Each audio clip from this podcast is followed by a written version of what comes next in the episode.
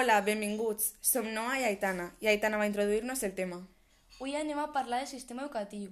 El sistema educatiu del nostre país es compon de cinc nivells d'educació. En primer lloc, l'educació infantil, que es cursa entre els 0 anys i els 6, i no és obligatòria. Després, l'educació primària, entre els 6 i els 12, i és obligatòria. L'educació secundària, obligatòria entre els 12 i els 16. Després, l'educació secundària postobligatòria i tens que tenir el títol de l'ESO per a cursar batxillerat o un grau mig. I per últim, l'educació superior, que és la maestria universitària, per exemple, la formació professional del grau superior. I el sistema és senzill? Conta-nos, no? Encara que el sistema educatiu espanyol es suposa que està perfectament adaptat a cada fase, en moltes ocasions els alumnes necessiten una ajuda extra per assimilar molts conceptes. I com afecta? Bé, alguns dels problemes que ens suposen són, per una banda, que l'alumne fa el mínim esforç perquè el sistema no li requereix més. La, proporció auto la promoció automàtica li permeteix passar de curs encara que et queden totes les assignatures. Aleshores, la solució que, que propose és que l'alumne tinga que repetir curs tantes vegades com siga necessari i puga passar amb dues assignatures com a molt. Després, un altre problema és que un estat laic no cap l'assignatura de la religió als centres públics.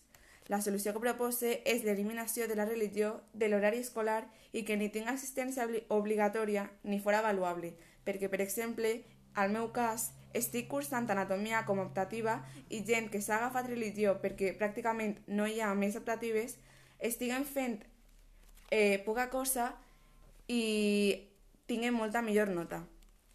D'altra banda, Eh, un altre problema és el fracàs escolar com a problema malentengut, ja que es parla de fracàs escolar quan un alumne no ha arribat a un nivell esperat per a la seva edat i nivell pedagog.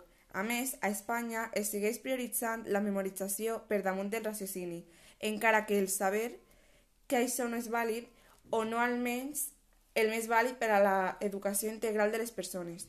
Des del meu punt de vista, normalment, els estudiants ens enfoquen a memoritzar temaris i leccions que no es traslladen en coneixements, ja que a l'hora de passar l'examen desapareixen de la memòria com a colp de clip.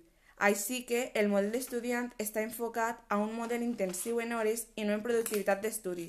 Està marcat entre la competitiva, entre notes, i no per les competències i habilitats que puguen tindre els mateixos. Aitana, i com podem millorar aquesta situació?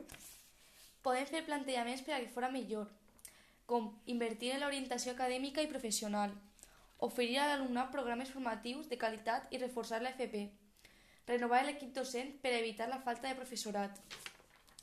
També fer més fort la relació entre el sistema educatiu i el mercat laboral i, per últim, augmentar la inversió en educació. En conclusió, el sistema educatiu espanyol té distintes etapes, adequadament adaptades a cada fase dels estudiants però a la vegada té propostes per a millorar-lo i descontent per part d'altres persones. Aleshores, Aitana, i el nostre punt de vista? Des del nostre punt de vista, el nostre sistema que estem vivint dia a dia no és pareix el més afavorit, encara que entenem que vol ser el més adequat per a tots. Així finalitza el nostre podcast. Adeu! Adeu.